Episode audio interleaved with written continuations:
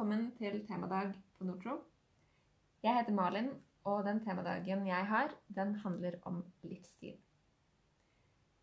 Siden det er på Nortro, så handler den selvfølgelig om livsstil og arbeid, og livsstil og arbeidsevne. Og siden vi er i en litt sånn spesiell situasjon nå, eh, da tenker jeg på koronakrise, så føles det litt naturlig at vi starter med å snakke om hvorfor sammenhengen mellom livsstil og arbeid er ekstra viktig akkurat nå.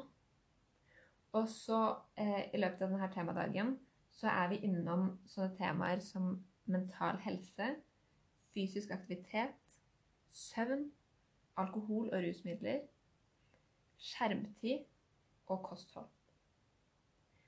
Um, og jeg tenker det at særlig for dem som er i karantene eller isolasjon akkurat nå, hvis man er permittert, eller hvis man bare opplever at man er bekymra for de tingene som skjer, så kan faktisk gode livsstilsvalg bidra til å gjøre de her utfordringene kanskje litt lettere å håndtere.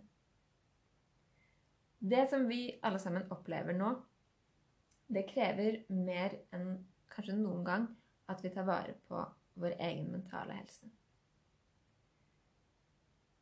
det å være i karantene, det å være isolert fra andre mennesker, eller bare det at man føler på en sånn generell usikkerhet, det kan gjøre at vi alle sammen er ekstra utsatt for å oppleve tunge tanker. Og særlig for dem som kanskje allerede har det litt vanskelig, så kan denne tida bli enda mer utfordrende. Det trenger ikke å være sånn, men det kan være sånn for mange. Eh, de tingene jeg skal snakke om nå, er jo ikke ting som, som vi på Nordtro har funnet på. eller sånn. Det er ting som eh, vi har henta inn fra eh, mediebildet når, når, det er eh, eksperter, psykologer og sånn, som er ute og, og, uttaler seg. Så har vi prøvd å samle litt det som kanskje tenker at kan være relevant eh, for deg som er deltaker på Nortro, da. Som kan være litt sånn relevante tips og råd. Så det kommer jo ikke fra oss, men det er jo vi som tar det videre til dere, da. Um, når man eh, ser litt på de rådene som kommer nå, så er det veldig mye eh, anerkjente norske psykologer som er ute og ber befolkninga om å ta godt vare på seg sjøl i denne tida. De ber oss om å holde oss i aktivitet. De ber oss om å sove og spise til faste tidspunkter. Og de sier at vi burde holde kontakt med andre mennesker over nettet eller over telefon. Um, det som jeg finner når jeg leiter litt, så er det en dame som kanskje mange har hørt om, som heter Hedvig Montgomery. Hun er sånn psykolog som er mye ute i media og, og uttaler seg. Og hun sier det at eh, mental og fysisk aktivitet sammen med kontakt med andre mennesker, det er de to tingene, altså aktivitet og kontakt med andre mennesker, er de to tingene som betyr mest for vår psykiske helse. Ikke bare i denne situasjonen, men generelt i livet. Eh, så er aktivitet og sosial kontakt noe av det viktigste for den mentale helsa vår. Og det høres kanskje litt sånn smått ut at uh, du skal gå en tur, og du skal ringe til bestemor. Men det er jo på en måte litt fint også, at det er de små tingene som kan utgjøre mye for at vi skal ha det mye bedre, da. Det å være jobbsøker eller å stå utafor arbeidslivet i denne perioden uh, kan være ekstra utfordrende. For nå ser vi at det er massevis av godt kvalifiserte mennesker som blir permittert. Uh, masse flinke folk som står i fare for å miste jobbene sine. Og det kan naturlig nok gjøre at konkurransen om de jobbene som finnes, blir litt mer utfordrende. I tillegg så ser man jo kanskje det at arbeidsgivere får mindre tid til eh, å drive på med å lese jobbsøknader eller gjennomføre jobbintervjuer. Eh, og de har andre oppgaver i bedriftene sine som de må prioritere. Men vi vet heller ikke liksom, hvor lenge kommer det her til å vare, og hva kommer utfallet til å være når det er over. Og derfor så er det veldig viktig at man ikke går i den fella med å begynne å tenke at nå har jeg fått litt ekstra ferie, eller nå kan jeg sette ting på pause. Fordi nå er det ikke noe jeg får gjort. Tvert imot så krever denne situasjonen i enda større grad at du som jobbsøker holder på rutinene dine. Og hvis du ikke kan akkurat holde på rutiner, det kan jo være litt vanskelig når man er hjemme, så kanskje man må lage seg noen nye rutiner. Og jeg tenker det at å ha en god plan for denne perioden, det kan være veldig lurt. De rådene som vi får, er jo kanskje litt Altså det er lett å tenke at det er kjedelige råd. Um, men å stå opp om morgenen, spise frokost, gjøre de oppgavene som du og veileder har blitt enige om, hvis det er jobbsøk eller noe annet. Og så holde litt kontakt med venner og familie. Gå litt tur eller trene litt hjemme i stua. Og legge seg til vanlig tid. Sånne rutiner eh, er det de snakker om.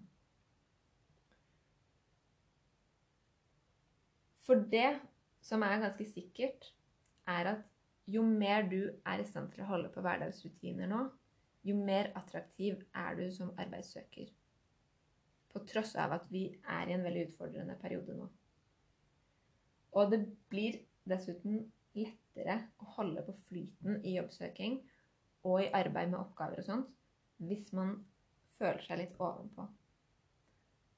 Og det å føle seg litt ovenpå, det er gjerne en fin bivirkning som kommer med det å få litt frisk luft, eller å røre litt på seg, og få nok søvn. Andre gode tips som eh, jeg i hvert fall har eh, plukka opp, og som jeg syns er veldig fine, det er bl.a. det med å prøve å ikke overdrive inntaket av nyheter. Kanskje holder det å lese litt VG og Dagbladet og sånt én eller to ganger om dagen. Så man får med seg liksom at man er oppdatert. Og så kanskje ikke bli sittende med mobilen eller foran PC-en eller foran TV-en og ta inn alt. Um, for det kan jo for mange, selv om man kanskje ikke har noen sånne store mentale eh, utfordringer til vanlig, så kan det jo trigge tunge tanker og litt sånn håpløshetsfølelse hos de fleste hvis vi blir overstrømma hele dagen med eh, koronanyheter. Så kanskje det kan være lurt å begrense seg litt. Um, annet hyggelig tips som um, jeg ser at mange kommer med, det er istedenfor nyheter, prøv å gjøre noe ekstra hyggelig. Gjør hverdagen litt fin. Bake litt boller. Eh, kanskje du kan ringe noen og spørre om dere skal spise kveldsmat eller drikke kaffe sammen på FaceTime. Se på en serie som du ellers ikke har tid til å se på. Eh, begynn å høre på podkast hvis eh, du ikke har holdt på med det. Det er masse gøy å høre på. Eh, gå ut og eh, lag en snemann. Bare gjør trivelige ting. Og når det gjelder fysisk aktivitet, så er det jo Altså har jo internett eksplodert de dagene her med hjemmetreningsvideoer for karantenetida. Og ja Alle har blitt influensere. så jeg tenker at prøv å sjekke på Facebook, Instagram eller YouTube eller uansett om det er noe som du syns ser gøy ut. Og så prøv litt hjemmetrening hvis du kan. Og legge vekt på Prøv å finne på noe gøy hvis du skal være fysisk aktiv. Fordi ellers eh, gir det jo nesten ikke noe mening. Noe som kan være litt hyggelig. I tillegg så tenker jeg at det kan være veldig fint dersom vi husker på at hvis vi følger de her reglene for karantene og isolasjon, hvis vi tenker på god hygiene og vasker hendene, hvis vi holder avstand, hvis vi gjør alle de her tingene som anbefales nå, så eh, Og hvis vi husker på at vi gjør det her for at det er faktisk en utrolig viktig samfunnsoppgave, så gjør det ting lettere å takle. At vi tenker på at det som vi går gjennom nå, vi er med på noe viktig. Og vi kan gjøre en forskjell. Og som arbeidssøker så er du kanskje litt mer aleine nå. Du har ikke veilederen din eh, fullt så tett som du er, kanskje er vant til å ha. Og derfor så har du nå har du ansvar for å ta ansvar for din egen situasjon. Og for å ta godt vare på deg sjøl og på dem som du har rundt deg. Så det var en kjapp sånn koronaintro til denne temadagen om livsstil. Eh, videre så skal vi snakke om, eh, om, de temaene som vi vanligvis har om på den dagen her. Før vi starter på selve temadagen, så tenkte jeg bare skulle si at eh, den temadagen her den er delt opp i to episoder. Og det hører til en arbeidsbok i karriereverktøy med YouTube-filmer og oppgaver og sånt som handler om de samme temaene.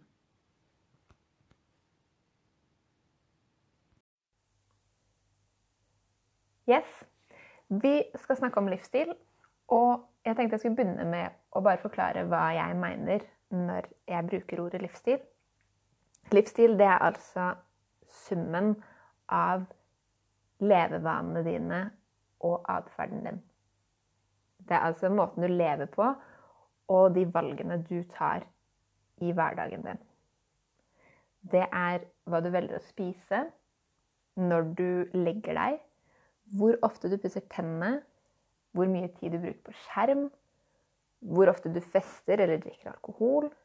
Eh, det kan være sånne ting som om du er flink til å pleie vennskap. Og livsstil det kan også være valg som du tar for å ta vare på din egen mentale helse. Og til og med seksualvanene dine kan være en del av livsstilen din. Veldig ofte når vi snakker om livsstil, så tenker vi at det handler om trening og kosthold. Og det gjør det. Det gjør det også. Men livsstil er mange andre ting også. Eh, det å f.eks. ha ofte ubeskytta sex med fremmede, det kan være et eksempel på et livsstilsvalg som ikke nødvendigvis er positivt for helsa di. Så poenget er bare at livsstil er mange ting, og så blir det da summen av alt, alle de valgene du tar gjennom dagen, uka, måneden, året osv. Eh, I dag så vet vi veldig mye om hva livsstilen din kan gjøre med helsa di. Og at måten man lever på, kan ha noe å si for utviklinga av mange forskjellige sykdommer. Og det kan også ha noe å si for hvordan man håndterer eller hvordan man tåler sykdom. Da. Så Derfor så er jo livsstilssykdom det er jo blitt et kjent begrep de siste ti årene. Men også sykdommer som ikke i seg sjøl er forårsaka av å ha en usunn livsstil, kan faktisk påvirkes positivt hvis man gjør eh, gode livsstilsvalg. da. For så er det jo ikke sånn at man får bekkdrev av å ha en usunn livsstil, men at mange med bekkdrev kan um, få det litt bedre hvis man trener, da. Er et eksempel. Eh, jeg tenkte også vi kunne snakke litt om hva arbeidsevne er. Hva vi mener når vi snakker om arbeidsevne på Nordtro. Og Nav sin definisjon av arbeidsevne det er rett og slett mulighetene dine til å skaffe eller beholde arbeid. Altså klarer du å få jobb, og klarer du å jobbe.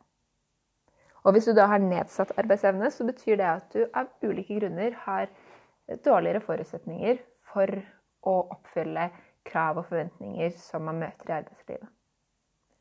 Og det trenger jo ikke å være en permanent tilstand. Ofte så kan man jo øke arbeidsevnen igjen hvis man får helsehjelp, eller at man blir frisk fra det som gjør at arbeidsevnen er nedsatt. Men i noen tilfeller så er det likevel sånn at arbeidsevnen er nedsatt kanskje for resten av yrkeslivet. Og det er mange årsaker til at folk har lav arbeidsevne. Eller kanskje at man ikke har arbeidsevne i det hele tatt. Og veldig ofte så handler det om utfordringer som vi mennesker ikke kan bestemme over. Mange sykdommer og skader kommer på tross av at man har en livsstil som tilsier at man bør ha god helse. Hvis du f.eks. havner i en bilulykke, så sier det seg sjøl at det ikke er røykevanene dine som er årsaken til at du har mista et bein. Um, likevel så ser man i dag at livsstil og måten man lever på, oftere og oftere har noe med folks arbeidsevne å gjøre. Så er det noe som heter Norsk jobbhelserapport. Og i 2017 så eh, sa den at livsstilsrelatert sykdom og plager som er en følge av livsstil, da, eh, står for den største delen av sykdomsbyrden og sykefraværet i Norge. Og I den undersøkelsen var det sånn 65% som også sa at de sjøl opplevde at det var en tydelig sånn link mellom eh, deres egen livsstil og prestasjonen deres på jobb. Og så er det studier som har vist at jo flere usunne livsstilsvalg en person tar, jo større er sjansen for redusert arbeidsevne. Det vil si at hvis du både røyker, ikke trener, eh, spiser usunt eh, og kanskje drikker mye alkohol, og ja, hver, hver sånn usunn ting som du legger på, jo større sjanse er det for redusert arbeidsevne. Og motsatt, jo flere positive vaner folk har, jo større sjanse er det da for å klare seg godt i arbeidslivet. Så eh, jeg skal ikke gå så veldig mye lenger inn på de tingene der, men poenget med å snakke om det her er egentlig bare å fortelle at livsstilen vår påvirker helt klart yteevnen vår, da, hvor mye vi klarer. Og at um, livsstil og utfordringer knytta til hvordan vi lever livet vårt, det er den, en av de største utfordringene, helsemessige utfordringene i vår tid. Og det har man begynt å merke i arbeidslivet. Når det er sagt, så betyr ikke det at alle som er arbeidsføre, går rundt og bare tar gode valg for seg sjøl. Eh, de fleste som jobber, har både vaner og uvaner som er gode eller dårlige. Noen folk drikker for mye alkohol, men klarer jobben sin kjempefint. Eh, massevis av folk elsker å game og uansett så klarer de seg kjempegodt på jobb, på trening, er kjempesosiale folk. Eh, og mange mennesker har gode hverdagsliv selv om de verken trener eller spiser spesielt sunt. Så det er ikke sånn at for å være uh, i arbeid, så må man være, leve perfekte liv. Det, da er det, er det veldig få som hadde klart å være i arbeid. Men problemet oppstår dersom livsstilsvalgene dine begynner å komme i veien for andre ting som er viktige i livet ditt. Så dersom du ikke klarer å komme på jobb fordi du spiller hele natta, eller dersom fysikken er for dårlig til å utføre jobben din, si at du f.eks. Eh, jobber i barnehage, da, og så klarer du ikke å, å løfte og bære på ungene eh, eller løpe etter dem fordi du eh, har rørt deg for lite eller vært for lite fysisk aktiv. Det er da det begynner å eh, Hva skal jeg si kanskje, kanskje, begynner det da å bli lurt å reflektere litt over om det går an å gjøre, gjøre ting annerledes. Om det går an å gjøre endringer. Um, ja. Det er, det er ikke sikkert at det her føles ut som relevante problemstillinger for alle som får denne oppgaven. For alle eh, våre deltakere som, som, lytter på akkurat denne, det her klippet. Eh, men jeg tenker at det kan være eh, en fin ting å ha vært gjennom og tenkt gjennom er det ting med måten jeg lever på, som eh, jeg kunne gjort annerledes. Som kunne gjort at ting blei litt lettere for meg. Kanskje er det ikke det. Men hvis det er det, så er det i hvert fall verdt å, å tenke litt gjennom. Det første temaet som er på lista mi når jeg har temadag om livsstil, det er mental helse.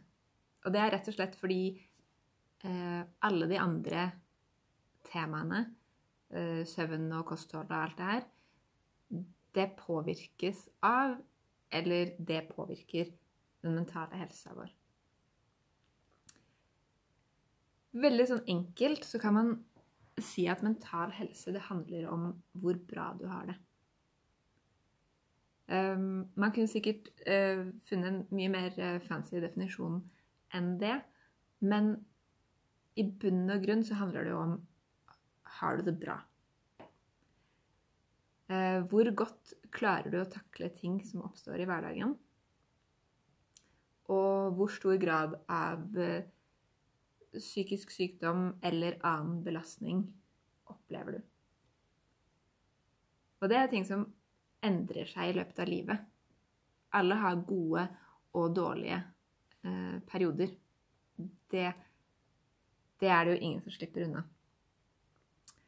Eh, først tenkte jeg bare skulle ta med litt sånn tørre fakta om at eh, Folkehelseinstituttet i 2015 eh, sa det at 20-50% av alle nordmenn opplever minst én psykisk lidelse i løpet av livet sitt.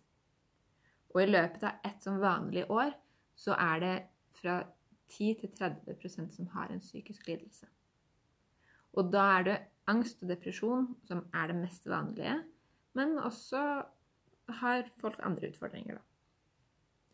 Og poenget med å ta med det, det er rett og slett bare å understreke at det er veldig, veldig, veldig vanlig for mennesker å ha det vanskelig av og til også da i, i større eller mindre grad. Alle vil oppleve utfordringer i løpet av livet. Vanskelige tanker, stress, uro, sorg eller bekymringer. Kjærlighetssorg, kanskje. Og selv om ikke alle utvikler psykiske lidelser, så kan det i perioder bli vanskelig både på jobb og i privatlivet dersom man har det vanskelig psykisk. Eh, og for mental helse så gjelder det som med fysisk helse at um, det krever at man deltar i behandlinga av seg sjøl. Uh, eh, hvordan du lever, altså hvordan du sover og spiser og trimmer og alle de tingene der, det påvirker den fysiske helsa di, men det påvirker også den mentale helsa. Og de her tingene er veldig viktige bestanddeler. Altså nå er vi tilbake på det med livsstilsvalg. Er viktige verktøy i forhold til å forebygge og behandle eh, mange eh, mentale utfordringer da, som folk kan ha. Og det er jo veldig fint å vite at det finnes mange ting man kan gjøre sjøl. Og en av de viktigste verktøyene som man kan lære seg, det handler rett og slett om å øve seg på å dele det som er vanskelig, med noen som man stoler på. Om det er en venn, om det er en kollega, om det er foresatte, en lærer, helsepersonell, f.eks. fastlegen din. Um, så er på en måte det viktigste rådet som dem som er eksperter på de her tingene, gir, er å finne noen å dele det med.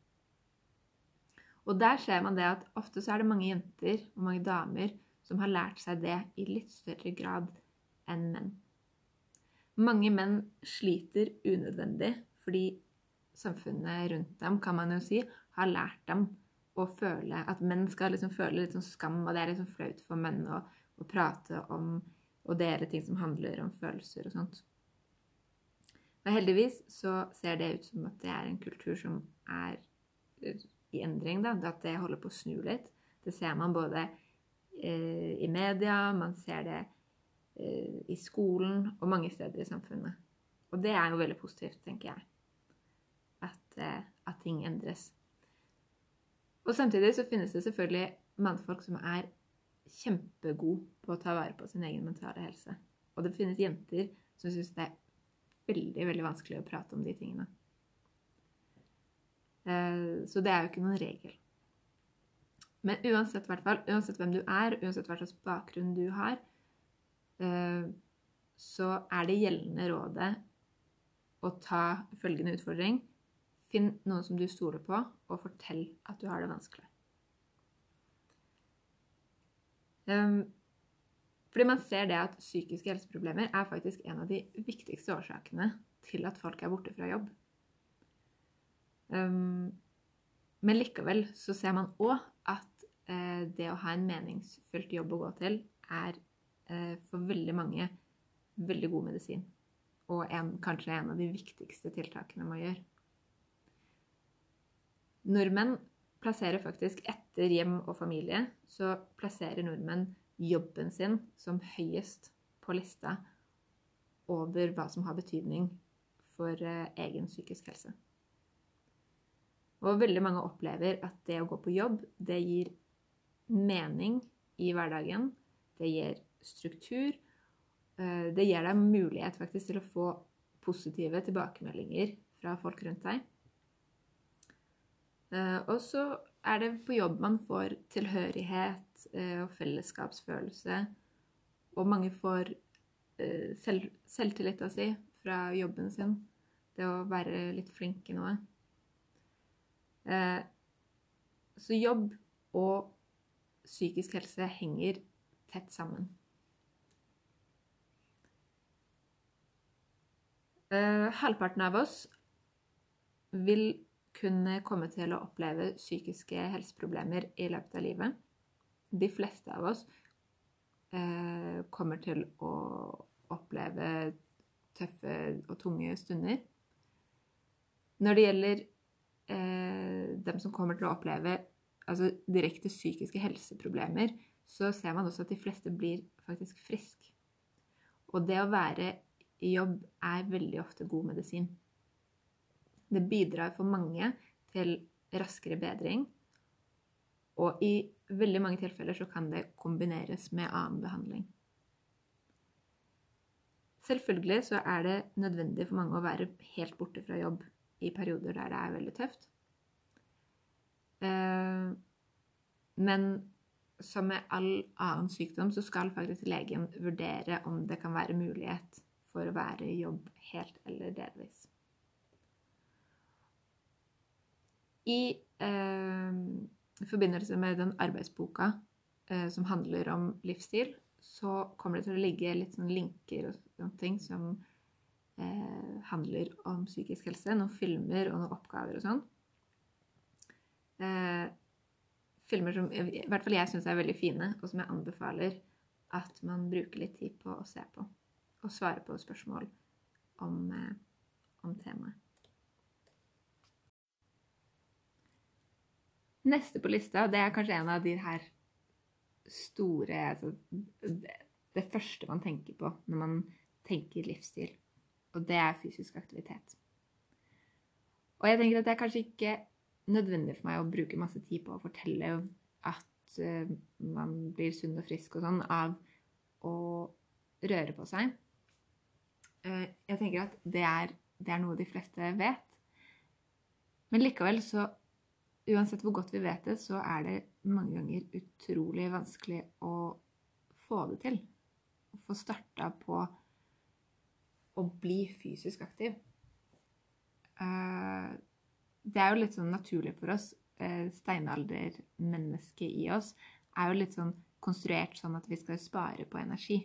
Det er bare moderne mennesker som er så lite i aktivitet at vi eh, faktisk må bruke selvdisiplin for å eh, komme oss ut og, eh, og, røre på oss.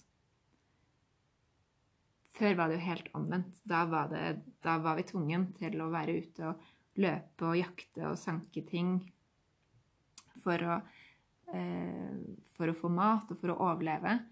Så derfor så er vi faktisk lagd sånn at vi har lyst til å være litt lat. Vi sparer på energien der hvor vi kan. Så moderne mennesker må som sagt eh, bruke viljestyrke for å få til det ofte. Så jeg tror det at veldig mange kan kjenne seg igjen i det her med Jeg har prøvd så mange ganger å bli en person som trener og er aktiv, men jeg har gått på trynet igjen og igjen og igjen. Uh, da tenker jeg at trøsten er at sånn er vi laget. Men så er vi nødt til å, å uh, gjøre noen grep, bruke noen triks, for å likevel komme oss dit at vi klarer å være aktiv, fordi å være fysisk aktiv er, det har vi hørt veldig mange ganger før, veldig, veldig viktig for oss. Det er viktig for den fysiske helsa vår, og som vi akkurat har snakka om, det er kjempeviktig for den mentale helsa vår. Uh, så det jeg tenkte at vi kanskje kunne Eller liksom bare At jeg kunne slenge ut litt spørsmål i lufta og sånt. Kanskje går det an for deg å tenke nytt om fysisk aktivitet. Og nå vet jo selvfølgelig ikke jeg noe om akkurat ditt forhold til fysisk aktivitet og hvordan det har vært og sånn, men jeg tenkte at jeg kan i hvert fall eh, gjennomgå litt sånn vanlige eh, Hva skal man si feiltanker, da, om eh, fysisk aktivitet og hvorfor man kanskje av og til tenker at det er negativt og at det er et ork, og at det er eh, noe man ikke får til. Og så kanskje komme kanskje med noen nye tanker eh, rundt det. Det å ha et vanskelig forhold til fysisk aktivitet, det er ikke uvanlig. Mange har f.eks. uheldige erfaringer med lite mestringsfølelse på idrettsbanen fra barndommen eller uh, ungdomstida. Ehm, noen har blitt i dårlig fysisk form opp gjennom tida, og så opplever man at når man da skal starte på, så er det direkte smertefullt å begynne å trene og plage seg sjøl. Og vi har også på en måte blitt litt hjernevaska til å ha et sånt bilde av hvordan aktive mennesker, da, hvordan typer dem er, og hvordan dem er. Og så kan man fort føle at den boksen der, den hører ikke jeg til i. Jeg er ikke en sånn. Mange tror det at målet med fysisk aktivitet eller trening, som mange sier, da, er at man skal slanke seg. At uh, er du slank, så trenger du ikke å trene. Og, og er du ikke slank, så, så, er det derfor du skal være aktiv, da, for å bli slank. Uh, og så er det noen igjen som tror at dersom du ikke har blodsmak i munnen og økta ikke har vart i to timer, ja, da er det heller ikke bra nok, og da er det nesten ikke noe vits. Og de tingene, det kan jeg bare si med en gang, det stemmer ikke. For å oppnå noen form for helsemessig effekt da, av det å røre på seg, så er det anbefalt sånn 30 minutter om dagen, eller 150 minutter i uka. Og det fins utrolig mange forskjellige løsninger. Sikkert like mange løsninger som ja, det fins folk, nesten. Ja, kanskje ikke helt, men eh, Det å være aktiv, det er ikke en måte å straffe seg sjøl på. Og det er ingen andre som kan bestemme hva som er bra nok fysisk aktivitet for deg. Så lenge man er i bevegelse, så er det faktisk det viktigste. Og det med at ja, man anbefaler 30 minutter om dagen eller 150 minutter i uka, det er jo kanskje et fint mål for mange. Men hvis man ikke er noe i aktivitet, da, så tenker jeg at å gå fra ingen aktivitet til 20 minutter i uka eller 30 minutter i uka, det er jo en kjempestart. Det vil jo være godt nok i massevis i begynnelsen.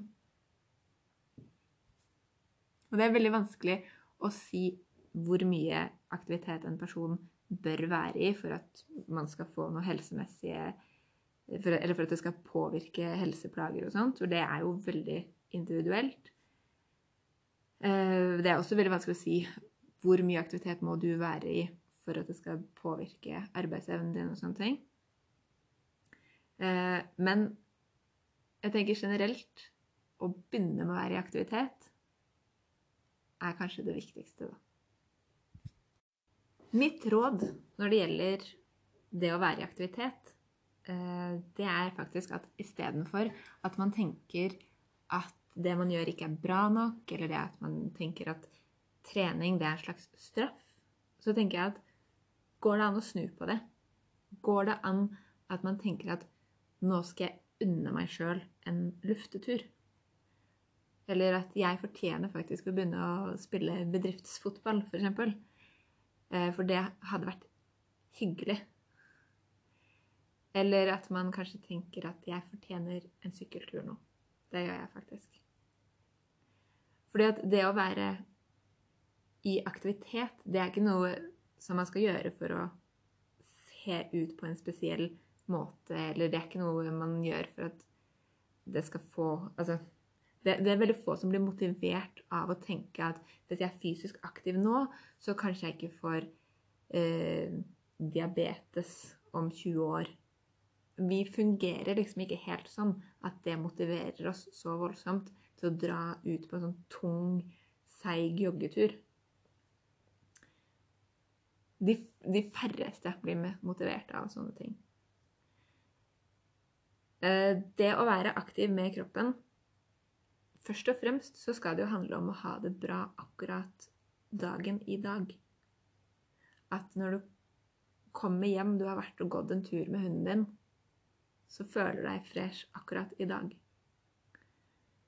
Og så blir summen av mange sånne dager der du har sagt ja til å gå en tur med en kompis eller eh, venninna di, der du har blitt med ungene på svømming, eller der du har jobba ute i hagen Summen av mange sånne dager der man sier ja til bevegelse da kan jo, altså Summen av det kan jo gi en sånn bonus som at man får bedre helse eller eh, den type ting. Men jeg tenker at det å tenke på dagen i dag, at den skal bli fin, kan for veldig mange eh, gjøre at det er litt lettere å, eh, å komme seg over. Dørstokkmila. Så det som jeg sjøl tenker, da, er at et kjempegodt tips er å senke forventningene til hvor hardt og vondt og voldsomt det er nødt til å være å være aktiv, og heller tenke at å gjøre noe er faktisk bedre enn å la være. Og at sannsynligvis, hvis du velger å være aktiv i 10 minutter, i 30 minutter, i 1 time Uansett så tenker jeg at det er jo veldig bra. Og helt sikkert bra nok. Eh, så jeg tenker bestem deg for hva som er godt nok for deg, og så kose seg med det man får til. Kanskje kan det være eh, litt nye Altså litt ny måte å tenke på fysisk aktivitet eh, om for mange. Og kanskje verdt å, å prøve, i hvert fall. Grunnen til at vi snakker om fysisk aktivitet på Nortro, handler jo likevel om eh, at sant, vi er lagd for fysisk aktivitet, og at det gjør bra ting med oss. Sånn Til syvende og sist så handler det jo egentlig om det. Det handler jo om at eh, hvis du er i bra fysisk form, så kan det eh, påvirke arbeidsevnen din. Det kan gjøre at du tåler eh, belastninger fra arbeidsmiljøet bedre. Det kan gjøre at du får lavere sykefravær, og det kan faktisk gi deg flere år i arbeidslivet. Eh, tenk deg f.eks. det at du har fått eh, plager som har begynt å gjøre arbeidsdagen din utfordrende. Eh, at man f.eks. har fått en sykdom. Da tenker jeg ikke på en livsstilssykdom, men en hvilken som helst sykdom. Um, Pga. det her så blir du fort sliten, og du har mye vondt. Og som følge av f.eks. denne sykdommen du har fått, så blir det vanskeligere å være i jobb. I tillegg til den sykdommen så har du vært eh, fysisk inaktiv i mange år, og du har fått dårlig fysikk. Altså så har du plager som du ikke kan noe for, og i tillegg så er du utrent og blir fort sliten fordi du mangler fysisk styrke eller utholdenhet. Kanskje kan en person som har det sånn, klare seg litt bedre, være litt lengre i arbeid dersom øh, formen blir bedre. Det er ikke sikkert at det er sånn, det er sikkert at det er en fasit for alle, men det kan jo Det kan jo være. Um, det er absolutt ikke sikkert, men vi vet likevel at det er mange mennesker som har gjort seg sånne erfaringer.